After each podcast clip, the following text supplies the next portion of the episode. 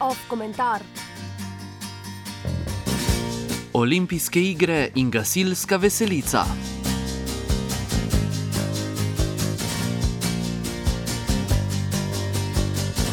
Na zadnji petek v mesecu juliju so v Londonu z veliko slovesnosti odprli 30. olimpijske igre moderne dobe.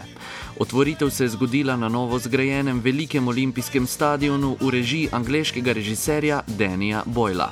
S tem je Boyle postal tisti umetnik, ki je imel največje občinstvo na svetu. Slovesnost je namreč preko TV zaslonov spremljala dobra milijarda ljudi po vsem svetu.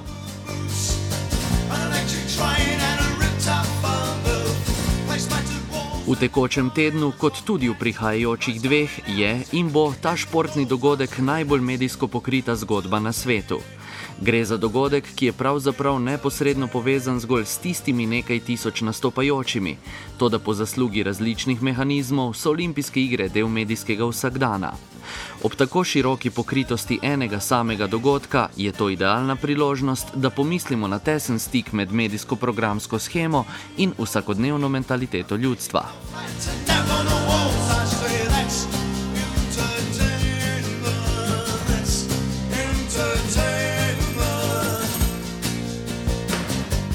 Zdi se, da je tekom športnih iger prav vse povezano z njimi. Na vsakem koraku, kamorkoli se obrneš, je nekaj, kar se navezuje na olimpijske igre.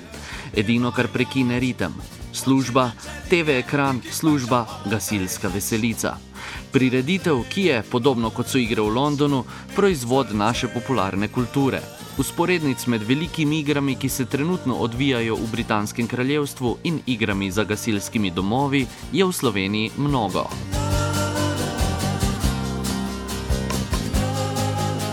Gasilske veselice so se tradicionalno prirejale v drugi polovici septembra, ko so bili polski pridelki že pod streho in je ljudstvo zasluženo rajalo. V samem začetku so veselico organizirali feudalni posestniki kot nagrado za svoje ljudstvo. Po trdem delu v gozdovih, na poljih in travnikih so si zaslužili igr. V skladu s programsko schemo veselice so organizatorji ponavadi pripravili tako imenovane kmečke igre. V njih so nastopajoči tekmovali v številnih disciplinah, kot je tek v žaklju, ujemi jajce in podobno. Po igrah je sledila pojedina. Za dosti kruha in igr, da gre lahko raja mirno in veselo v svoje domove. Gasilskih veselic je danes več.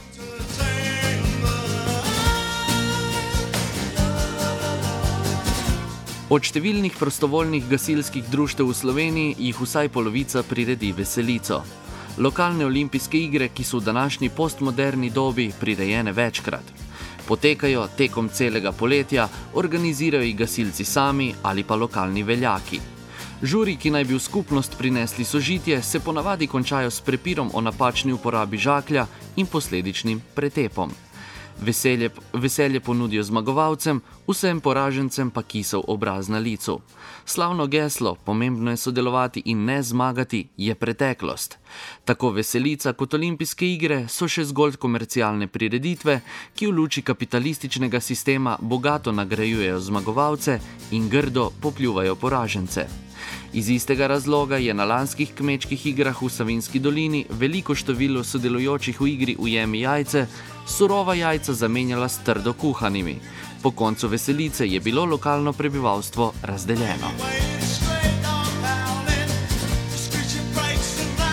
Enako je na velikih igrah. Preveč pozerstva in plastičnih nasmehov, ki bi morali ljudstvo prepričati v nesmiselnost tega, da nekdo štiri leta kasneje teče par stotink hitreje. Gre za fizični napredek in nadaljevanje tekmovalnosti, ki je rdeča nit kapitalistične etike.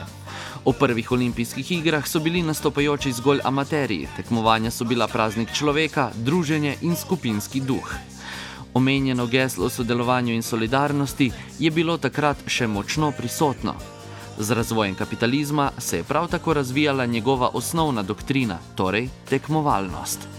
Toda ta tekmovalnost danes ni več zdrava konkurenca, ampak je leta postala načelo človek človeku volk. Olimpijske igre, ki so tako široko spremljane, bi morale postaviti zgled in pravzaprav enostavno implementirati slogane, ki jih tudi reklamirajo. Toda žal temu ni tako.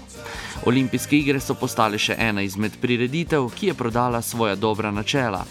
Na njih dominirajo podjetja, ki svojo prisotnostjo na tokrat angliških tleh poberajo svoje zaslužke in odidejo. Edini namen je komercialen, solidarnost in mir na svetu ne zanimata več nikogar.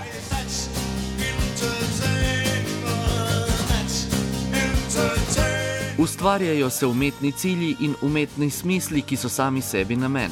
Naša doba zna proizvesti ne samo umetne snovi, ampak tudi umetne zgodbe, strasti in umetno življenje.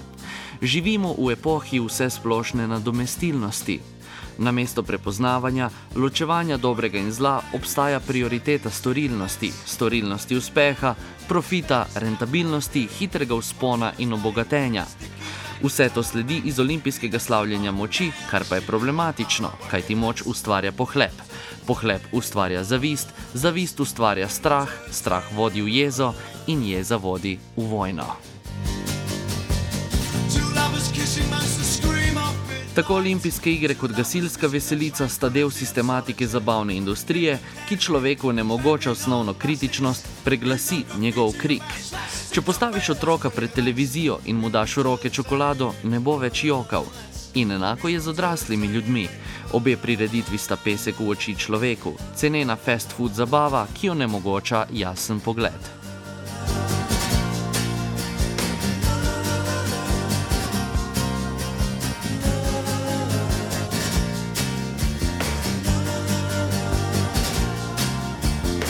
Komentiral je Marko.